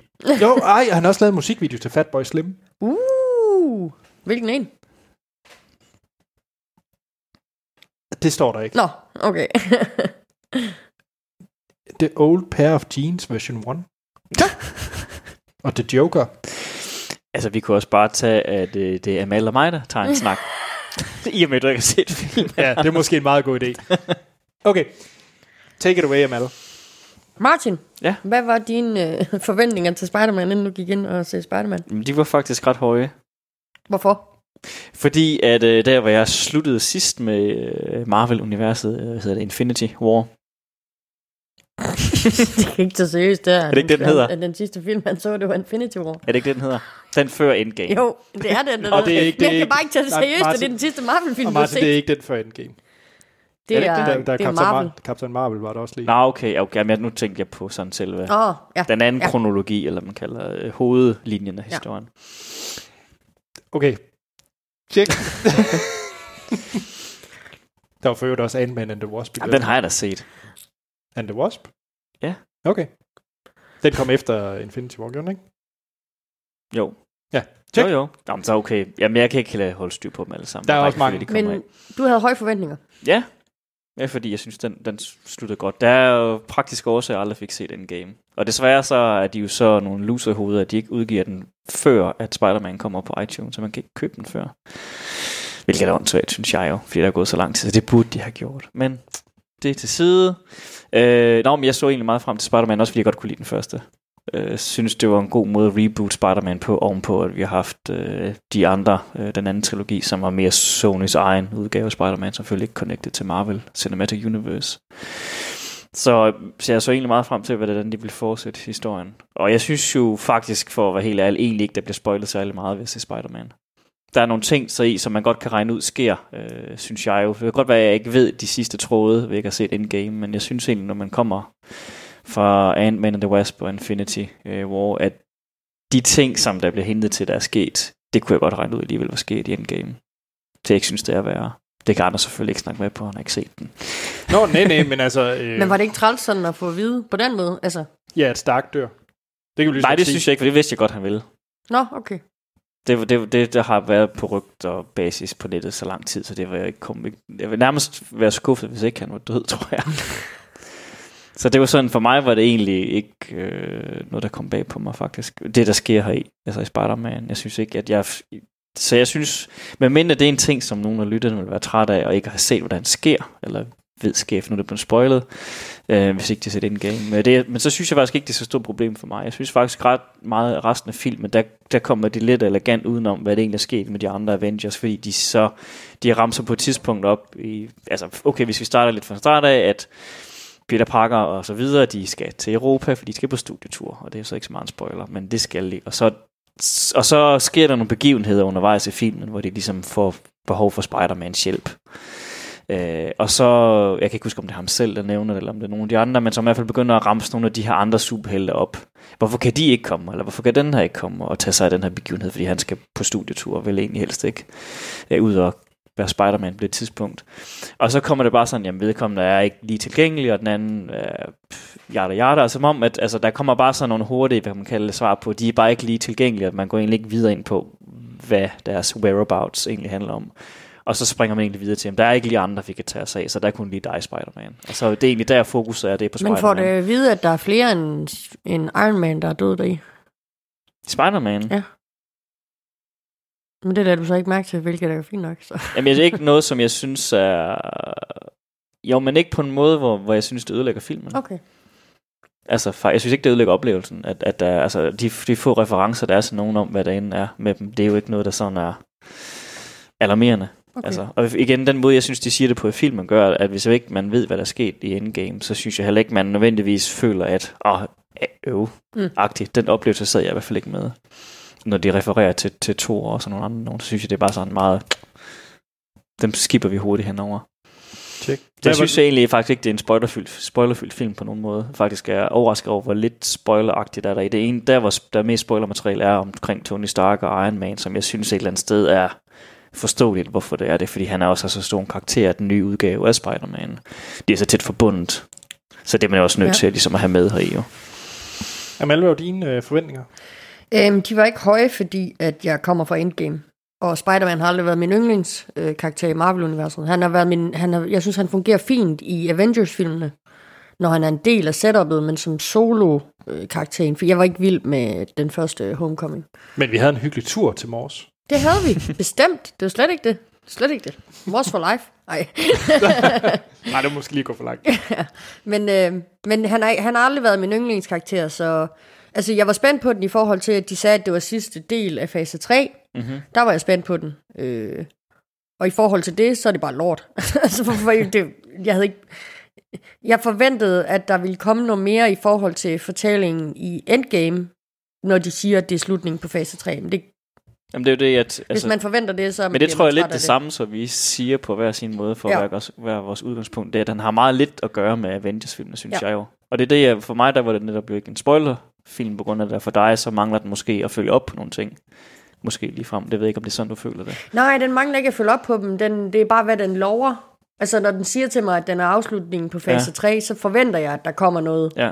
Øh, men der, der, men det er egentlig ikke noget, jeg sådan, der er ikke sådan, jeg render rundt og tænker, at det her for Endgame mangler Men det siger den jo heller ikke. Den siger jo ikke til dig, at den er afslutning på fase 3. Det er bare noget, at fordi du har læst Kevin Feige og stået på en scene og sagt nogle, til nogle pressefolk. Altså, for den almene seer, så det er bare endnu en Marvel-film Ja. i rækken af, hvad er vi er på, Uendelig 25, film 26. efterhånden. og næste år kommer der en mere, de så kan se. Så Men det, i forhold til, at vi fik en rigtig god Marvel-film her for et par måneder siden, tre måneder siden, er det vel være efterhånden, så er det, altså, så er det godt nok en fæsende en, og altså, de burde ikke have lagt en, en film nu her. Så jeg kan høre, at du ikke var begejstret for Ja. Hvad, Ma- ja, det kan vi lige vende tilbage til. Martin, hvad var, hvad, var du egentlig så begejstret for Spider-Man? Jamen, jeg er nok også noget gladere for Spider-Man. Altså, jeg synes... Jamen, jeg kan godt se dit udgangspunkt i, at han er jo nok bedre som en sidekarakter i selve Marvel-film, end som sin egen standalone. Og det er jo også problemet med den måde, han er blevet genstartet på som Spider-Man. At han ikke er en uafhængig figur. Han er på en eller anden måde en Iron Man sidekick. Og det er selvfølgelig lidt en anden type Spider-Man, end Spider-Man normalvis er i, i Marvel-universet. Han er jo ikke Iron Man sidekick. Han er på højde med Iron Man, vil jeg også synes. Og det er så måske min eneste anke på den her måde, han er blevet genstartet på. Øh, men jeg synes faktisk her i filmen, at de formår at gøre det... Jeg synes, de formår at gøre det bedre, end det gjorde i den første. Så jeg var egentlig glad nok for at se den her. Jeg synes egentlig, den var... Det var som den anden Spider-Man, bare mere af det samme, men også bedre skruet sammen. Fordi nu havde jeg vendt mig til, at han var en sidekick af Iron Man. Til trods for, at Iron Man så ikke er der længere. Men, altså, han er, men alligevel så meget, øh, der er så meget Iron Man i filmen på en eller anden måde, så han stadigvæk agerer lidt, eller hans sidekick på en eller anden måde. Ikke? Så, øh, der er så mange referencer til Tony Stark hele tiden. Og der har jeg lige et spørgsmål for en, der ikke har set filmen. Happy, Han er Happy også, Hogan, øh, har, overtager han et eller andet sted bare Tony Hawks, Starks plads og bare taler som Tony Stark og er Nej, nej, på ingen måde. Nå, Nej, han, okay, han, han, han, han, han, han forbliver helt klart Ja. sin egen Okay. figur. Ja. Øh, og f- han spiller lidt en anden rolle, uden at spoil noget. Okay, Det vil jeg ikke komme ind på. Jamen, det er okay, det er ikke sådan en, en stor ting, men han, han får lidt... Det sker ret tidligt i filmen. Han kommer lidt ind for sidelinjen på en anden måde, på en eller anden måde. Så han spiller stadigvæk, han er stadigvæk Ah, jeg, happy jeg, jeg, jeg kan allerede gætte mig til, hvad det er. Jeg kan allerede gætte mig Men, til, øhm. Check. men, og det synes jeg, han, han er bare happy stadigvæk. Og som, altså på en eller anden måde, det er lidt som om, at selvom Tony Stark ikke er Jeg der, skal bare lige så høre, score han op af. ej, ja, det kom, jo, det gør han vel Åh, nok. pænt meget. Sådan otte takker op af. Ja, Det kommer an på, hvad du mente. Altså, jeg tænkte, om du mente inden for hans eget hierarki, men han springer. For alle hierarkier, tror jeg. Men ja, check. Jamen, så, så er jeg med. Check. Men jeg synes, det er som om, at han stadigvæk bare er Tony Starks uh, assistent, eller hvad man kalder det. Ikke? Som, fordi det er som om, at Tony Stark stadigvæk er i filmen. Mm. Det er som om, han egentlig ikke er død, Ja. når man ser Spider-Man. Sådan, på den måde, at der bliver refereret til ham, så er det som om, han kunne lige så godt være der stadigvæk og sidde ude i hans limousine og vente på et eller andet. Jeg har et andet spørgsmål. Ja. Øh, en af de ting, der var lidt med, med Endgame, nu har du ikke set den, Martin, men, men hele tinget med, med det snap og alt det her, det er, hvad der sker med folk, der vender Ja, tilbage. det og refererer de var selvfølgelig også til her Ja. Øh, Det får man en forklaring Ja. på. Ja. Okay. De Inden- kalder det The Blip. Det, det blip, jeg hedder det. Okay. Og så er der så nogle elever, der så bare er meget ældre lige pludselig. Nå, men de er bare på jævnaldrende. Jamen det er fordi, det er fordi Okay. alle, alle dem, som ikke forsvandt, eller hvad man kalder det, blippet væk, eller hvad de kalder det i Spider-Man, de er så blevet fem år ældre i forhold til dem, Hvad der har de kom lavet tilbage. i fem år? Levede deres liv Ja. på Så er jorden. de da bare meget bedre i skole, end de andre. Det tror jeg ikke. Nej, det ved jeg ikke. Det kan godt være. Men de er i Det er hvert fald... Øh, og de er meget ældre. Men det giver jo ingen mening. Du kan ikke gå fem år i øh, 5. klasse, og så kommer der nogen, og så også skal gå i 6. klasse, og så starte på samme tid. Det De giver er, da der, ingen mening. de er der stadigvæk, Anders. Ja. Jamen, det er også lidt en, altså, der, der er noget tidskontinuitet. Når man, Det giver ingen det er alt det her problem og dilemma med alle film, der prøver at lege lidt med tidsrejser. Den kommer lidt ind på det samme problem. Det er, hvad gør man med, med, med folk, der har været adskilt i tid og rum på den måde, og så lige pludselig er sammen igen. Og, Ja. og det, det springer de på en eller anden måde lidt, lidt henover og laver nogle få jokes omkring det, og så glemmer de egentlig, det er sket. Men altså, MJ, hun blippede. Bare sådan, at du... Hun blev ved. Okay, Ja. check. Så de er stadigvæk jævn. Hvad med ham der idioten, sportsjockeyen? Nej, Han der, der blippede er ikke. kloge, kloge. Ah, han er ikke med der i. Er han Er det Zero, du snakker om? Ja, ja. ja han blippede ikke. Nå. Jo, han blippede. Undskyld. Så er der nogen af de, Øh, øh, er der nogen af de der sådan karakter-karakterer, vi, vi egentlig har med at gøre, der Nej. er ikke blippet? Nej. Nej. Nå, okay. Så er det Der er ikke. kommet en ny karakter, der bliver introduceret Ja. i. Okay, På grund af det her blip. Ja. som nu er jævnaldrende med de andre. check. Okay. Men det vil jeg ikke komme ind på, hvad, fordi det er også, det, det, Ja. han fylder ret meget i filmens historieline. Ja. En anden ting, som jeg, jeg har mange spørgsmål. øh, hvad hedder han? Ah, hvorfor lige væk? Øh, ah, Jake. Jake Gyllenhaal. Jeg skal bare lige høre, er han en delight? Kom an på, hvad du mener. Jamen, jeg elsker jo Jake, og jeg synes Jeg altid, synes han er faktisk, fed. han, øh, han er en fin... Jeg tror for nok egentlig, han endte med at fylde... I starten af filmen synes jeg, han fylder mindre, end jeg troede, han ville gøre. Okay. Han kommer til at fylde ret meget til sidst i filmen, men i starten, der er han egentlig ikke så meget med, som man kunne have forventet. Når, når man tænker på, hvor stor en skuespiller han også er, og Ja. sådan nogle ting, så er det egentlig en ret lille rolle i starten af Så filmen. han er ikke en lige så stor karakter som, øh, hvad hedder han? Øh, Val, hva, hva, ah, Falcon. Hvad hedder han skurken i Homecoming? Øh, Uh, Ja, wow, okay, det kan jeg heller kører- ikke huske. Det kører ikke særlig godt lige nu. Øh, Michael Keaton for så. Michael Keaton. Nej, han, han fylder vel egentlig mindre end ham i starten af filmen, vil jeg nok sige. Ja. Okay. Michael Keaton har en helt anden form for fremtrædende rolle i starten ja. af, af den film, ja. Okay. Ej, det, det kunne ikke helt sammenligne de to, øh, Check. faktisk. Og mit sidste spørgsmål. Stingers, er der nogen? For der var jo ingen i Endgame. Ja, øh, ja. okay, check. Leder de op til noget øh, fjerde part 4-agtigt? Stilhed. Altså, det, Fordi det har de jo tidligere gjort. Jamen, der, er jo, der er jo en... Øh, For de plejer altid at sige, uh, Spider-Man will return in bla bla bla. der bliver lagt op til, at der burde komme en Spider-Man til. Ja, okay. Check. Eller hvis ikke en Spider... Jo, det, der må komme en Spider-Man til, sådan måde, det slutter jo, på. også bare den måde, Det vil jeg mene. han ligesom bliver sat op til. Ja, Ja, det vil jeg mene, den ligger op til... Øh, om ikke andet, så ligger den i hvert fald tydeligt op til endnu en film, hvor Spider-Man er med i. Om det så en, en, er en standalone Spider-Man-film, eller en større... jeg tror, det lugter af, det er en standalone. Ja, men det... Det er, i hvert fald, ja, det er i hvert fald ham, der sådan meget fokus får det til, der sker. Ja, jamen, det, jo, det, det er nok mere en film med ham, ja. Men Ja. Han, han bør i hvert fald øh, komme i en ny film. Fordi der er nogle ting, som bliver kastet på bordet, som... Det kan du ikke kaste på bordet, uden at nødt til at følge op på det på en eller anden måde. Og det har så stor påvirkning på Spider-Man, at det er du nødt til at følge op på.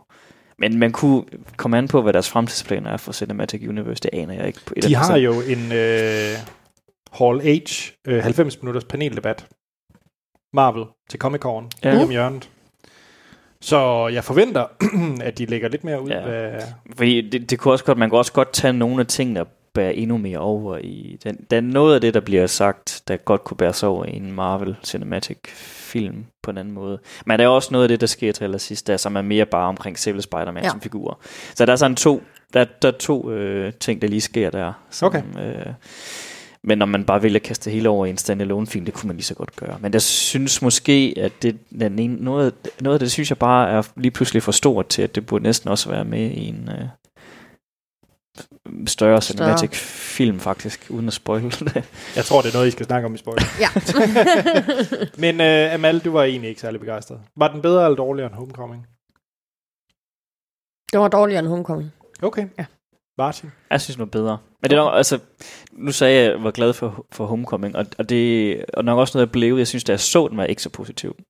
Og jeg tror heller ikke, nu kan jeg ikke huske min karakter på Letterboxd, men heller ikke de allerbedste. Men jeg synes faktisk, at den voksede på mig, som jeg så de andre Marvels film. Fordi så synes jeg på en eller anden måde, den gav mere og mere mening. Mm. Øh, den måde, man har genstartet øh, Spider-Man som karakter på i, i det her univers. Og der synes jeg nemlig, at den her film, den tager de samme brudstykker eller elementer og bare forstærker. Så derfor kunne jeg egentlig bedre lide den her end Homecoming. Check. Skal vi prøve at give den karakter? Du synes, du skal starte, for jeg på fornemmelse, Nej, må jeg ikke lavest. starte?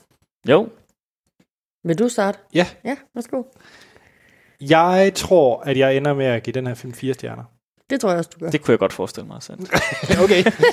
Nå, men jeg, var ret, jeg var rigtig glad for Homecoming, og jeg kan godt lide Peter Parker, jeg kan godt lide uh, Ned, hans sidekick, og jeg kan godt lide... Uh, Du kan godt lide Mar- Så vil du- så vil du- så vil du-. Så vil du helt sikkert også elske den her, hvis du kunne lide dem. Ja, og jeg har det sådan lidt... Du kan godt lide Happy.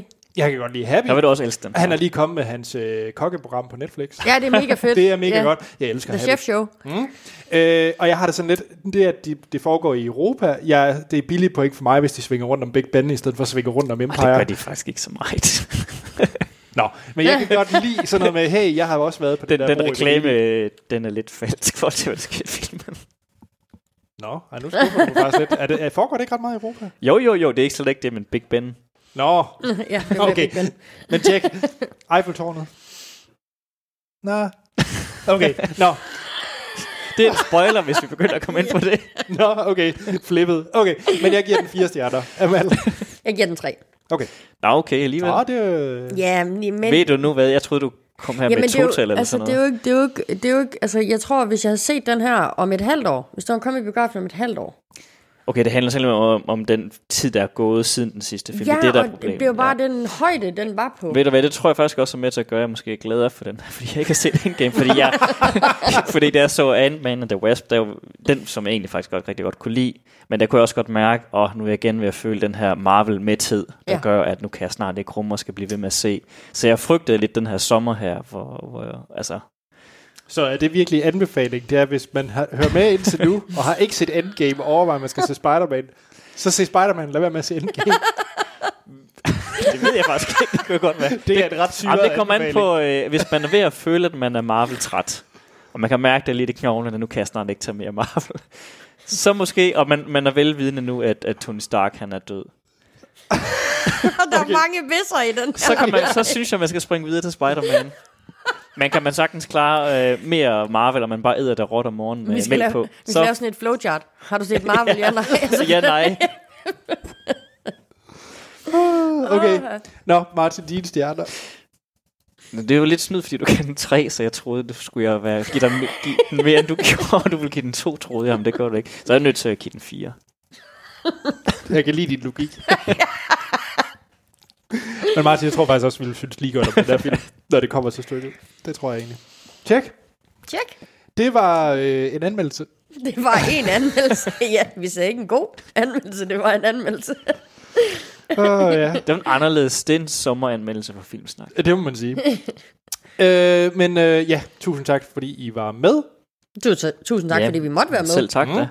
I næste uge, så tror jeg, er det nu, det står på Hakuna Matata? Er det ikke midsommer? Jeg tror, det er midsommer. Nej, jo. Øh, det er sådan noget Lion gys- King, det er ugen efter. Øh, er det sådan noget gyser noget? Ja, det er sådan en dårlig gyser, tror jeg endda. Stuber. Okay, skal vi virkelig se gyser? Svensk. Det foregår i det, Åh, er det svensk gyser? Ej, det er de værste form for svenske gyser. ødemark. Den ser sådan lidt, nu har jeg set traileren, den ser sådan lidt Den får hereditary-agtig jo ud. vildt Jeg tror anmeldelser. faktisk, det er ham, fra, ham der har lavet hereditary. Det er det også. Åh, oh, men, Gud. men den Det får var jo så ringe. vildt gode anmeldelser. Ja, nu må vi se.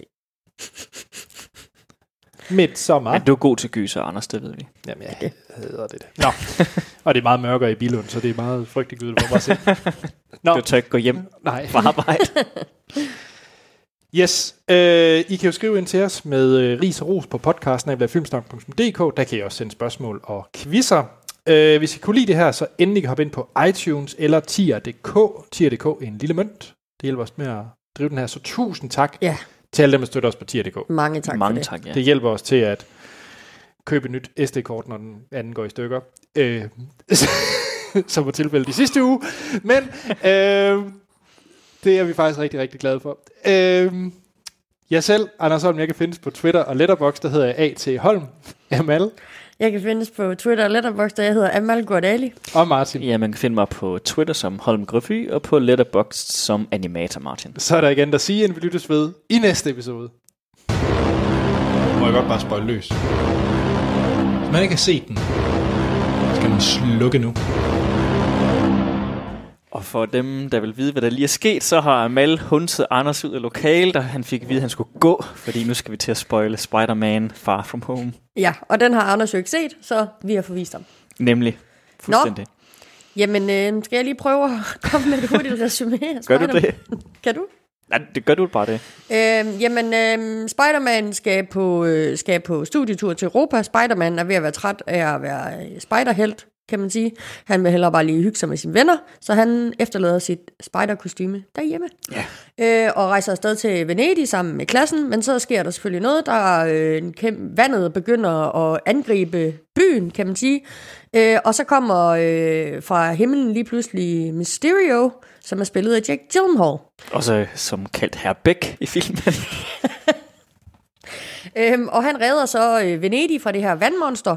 Øh, men så kommer, øh, hvad hedder han, øh, Nick Fury. Nick Fury og øh, værger Spider-Man, fordi nu skal han hjælpe ham her Mysterio med at bekæmpe en ond fjende. Og det hedder så, at Mysterio han kommer fra en anden planet. Ja, parallel univers. Parallel univers, ja. det er sådan der. Det er rigtigt. Han kommer fra en jord i et parallel, altså fra jorden Ja, i et for, parallel. for planeten Jord, men i et parallelt Parallelt univers. univers. Ja. Yes.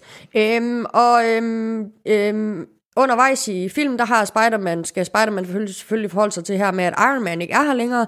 Øhm, og øh, i arv, der får han så af Tony Stark et øh, meget avanceret øh, hvad skal, sikkerhedssystem. Han får Tony Starks solbriller, som jo også har, som vi altid har set i Iron Man-dragterne, opkobling til hans øh, kæmpe netværk Ja. af computer og Men sikkerhedsting. hun hedder noget specielt, gør ja, hun hun? hed Edith. Hun hedder Edith. Og det, hvad var det, det var? Det var noget med, at øh, selv efter døden af et eller andet, så er Tony Stark også helten. Ja. Hvis det er oversat til dansk. Sådan et eller andet den stil. Øhm, og det får Spider-Man så, men øh, han får det her sikkerhedssystem, men han kan ikke helt affinde sig med, at det, han skal, ligesom skal overtage den her kappe fra Iron Man. Så han vælger at give det her sikkerhedssystem videre til Mysterio. Ja. Øhm, og så viser det sig så, at Mysterio er fjenden. Han er en øh, gal, eller jo, semi-gal videnskabsmand. ja, det kan man jo godt kalde ham. Ja, øh, der egentlig har besluttet sig for, eller ikke besluttet sig for, de, han har oplevet, at øh, videnskab ikke gælder længere. Nu skal man have en eller anden åndssvag superpower. At man skal være en Avenger eller anden Ja. form for superhelt for, for, at at der er blive, nogen, der gider lytte. ja, for det, at blive taget alvorligt Ja, i, i den nye udgave af jorden, efter alt det her, der er sket. Så han beslutter sig sammen med en masse andre videnskabsmænd at skabe det her øh, monster og den her karakter Mysterio, Mhm. mm-hmm. Øh, for at øh, få noget glory, er det vel? Altså, ja. Ja, for at få, kan man kalde det sendtid, Ja. taletid Ja. på, i medierne. ja. Så det, og så må Spider-Man jo så øh, forsøge at få det her sikkerhedssystem tilbage, fordi det er ret avanceret, og han bruger det til at angribe jorden med. Ja. Øhm, og det ender så med, at Spider-Man vinder. Ja, Da-da, ikke fedt? da-da. Tada! yes, jamen, øh, spoiler, Martin. Jamen, skal vi ikke starte for, for slutningen af? Jo, Hvad synes du om det, der skete til sidst? Altså snakker vi om cutscene nu?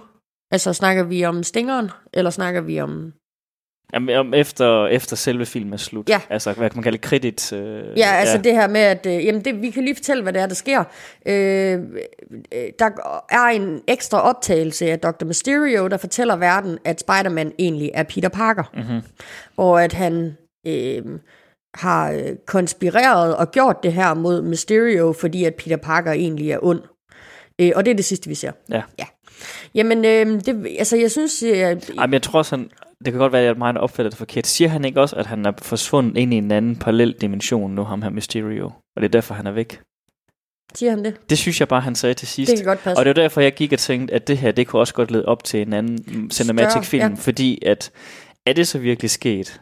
Eller er det noget, han bare siger? Eller, altså, det er som om, der kom en eller anden twist på, hvem er han egentlig som karakter alligevel, ham her Mysterio. Ja, er der er mere til død? ham, end bare, han Ja. er en gal videnskabsmand? Fordi, ja, han er en gal videnskabsmand. Han er faktisk også tidligere ansat ved Tony Stark, øh, som så har set sig sur på Tony Stark, sammen med alle de andre, han har dannet den her gruppe med. At faktisk alle tidligere ansat er Stark, øh, Tony Stark selv, eller Tony Starks øh, far og onkel. Ja. Øhm, som alle føler, at de ligesom kun har levet i skyggen, men selv har haft lige så meget at byde på. Men at Stark-familien har vundet æren, kan man kalde det, Ja. ikke? eller alt det der. Ja. Øh, så det er alle sammen sådan nogen, som egentlig gerne vil lave om på det, men fordi at der kommer de her superhelte til, så kan de ikke få nok, kan man kalde det, komme til ord. Så derfor der har de så, de er endt med at blive skurke i stedet for. Go- Good plan.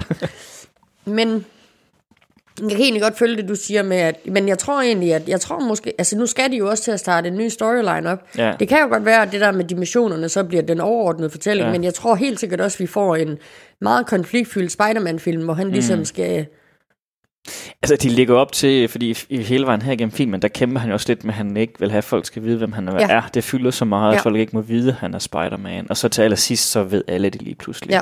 Så det er klart, at de, de burde næsten lave en film, hvor man ved nu, han, at det er Spider-Man, og, Og hvad det betyder for ham. det, ja. ja, lige præcis. Ja. Ja. Men det er så nok den største ting til sidst her. Men er der andet, vi skal snakke om undervejs, der sker? Jeg synes, altså... Det, jeg bliver lidt irriteret på den her film, fordi det er bare tydeligt fra det sekund, at Mysterio ligesom kommer på banen, at han er der for at snyde ham. Jamen altså, det var så fucking obvious, og jeg ved ikke, om det er fordi, at... Jeg ved ikke, hvorfor at det var obvious for mig, men det synes jeg bare, det er. Ja. Altså, jeg synes virkelig, det er obvious. Også fordi han sådan...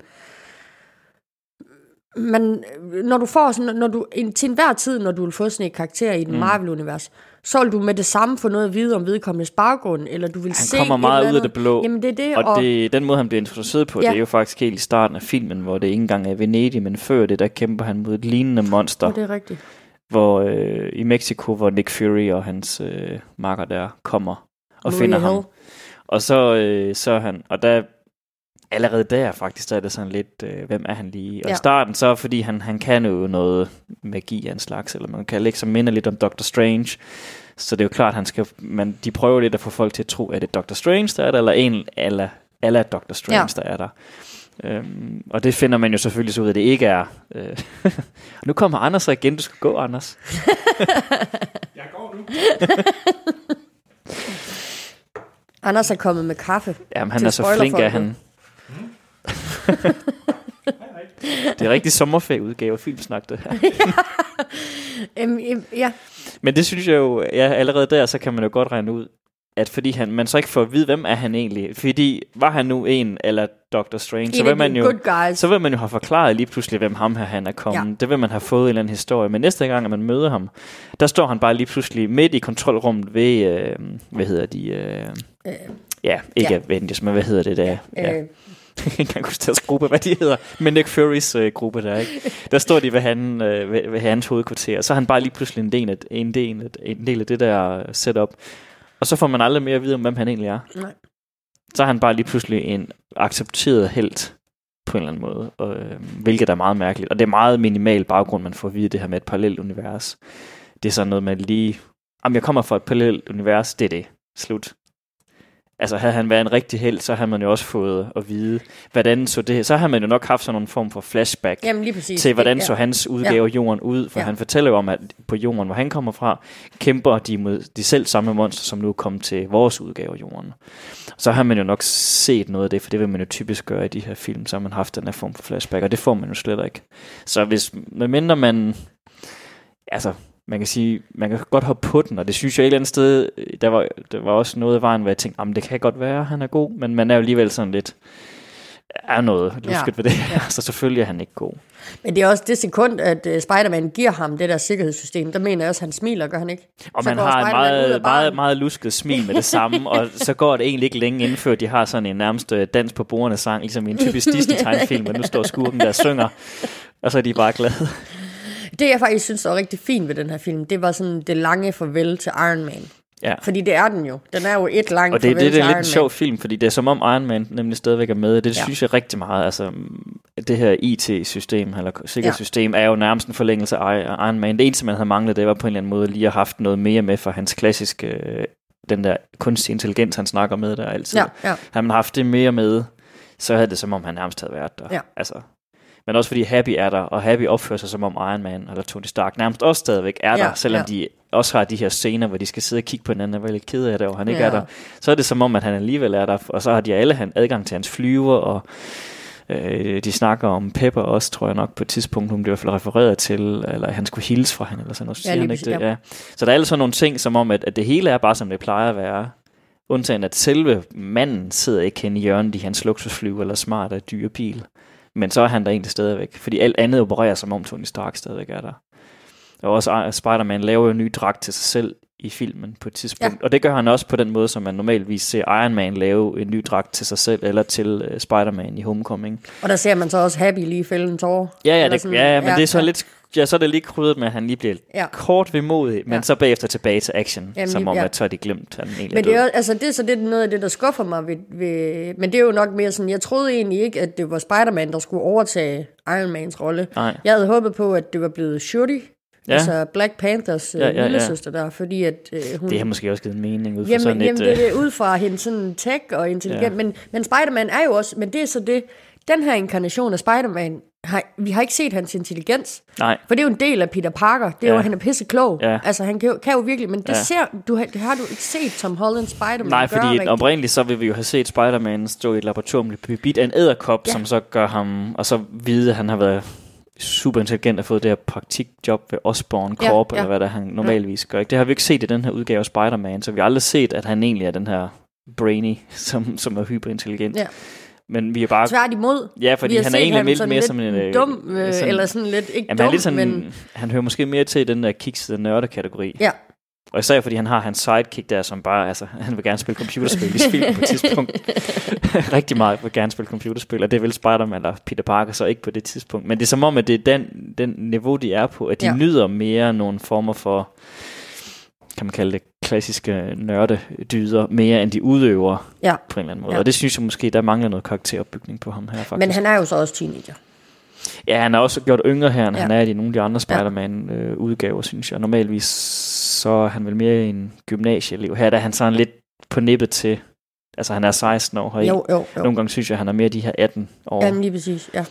Så man mangler måske lige en eller anden form for modenhed også på karakteren. Altså han kæmper meget med, at han skal give hende her MJ et kys, og det er lidt som om, det er det allerførste kys, han giver nogen. Og der er sådan alt det her, hvor han, han er lige gjort meget yngre, end han normalvis Ja. er. Ja. Ja. Jamen, er, det, øh, er det det? det tror jeg, det, spoiler? var det ikke det, der var værd at spoil? Jo, der er vel ikke så meget andet at komme efter. Nej. Fordi ellers er det lidt klassisk Spider-Man Marvel resten. Altså, der er jo ikke sådan noget udenom, jeg synes, man... Igen, jeg synes netop, som jeg nævnte tidligere under anmeldelsen, de kommer lidt ud over det ved de her andre referencer til resten af Avengers. Ja. Altså som om, at jamen, Spider-Man han er en lokal helt, så derfor har det et lokalt problem, man har ikke behov for Avengers, og når de nævner Avengers, jamen, så er det som om, at øh, de kan ikke lige få fat på de andre på telefonen, og det er derfor, der ikke er andre. Der er ikke nogen, der tager den. Og så er det lidt det. Ja. Jamen, være det. øhm, det var det, vi havde af Spider-Man øh, spoilers til jer. Nu skal Ja. vi skal vi bare sige hej. Ja, skal vi ikke det? Hej. Hej hej.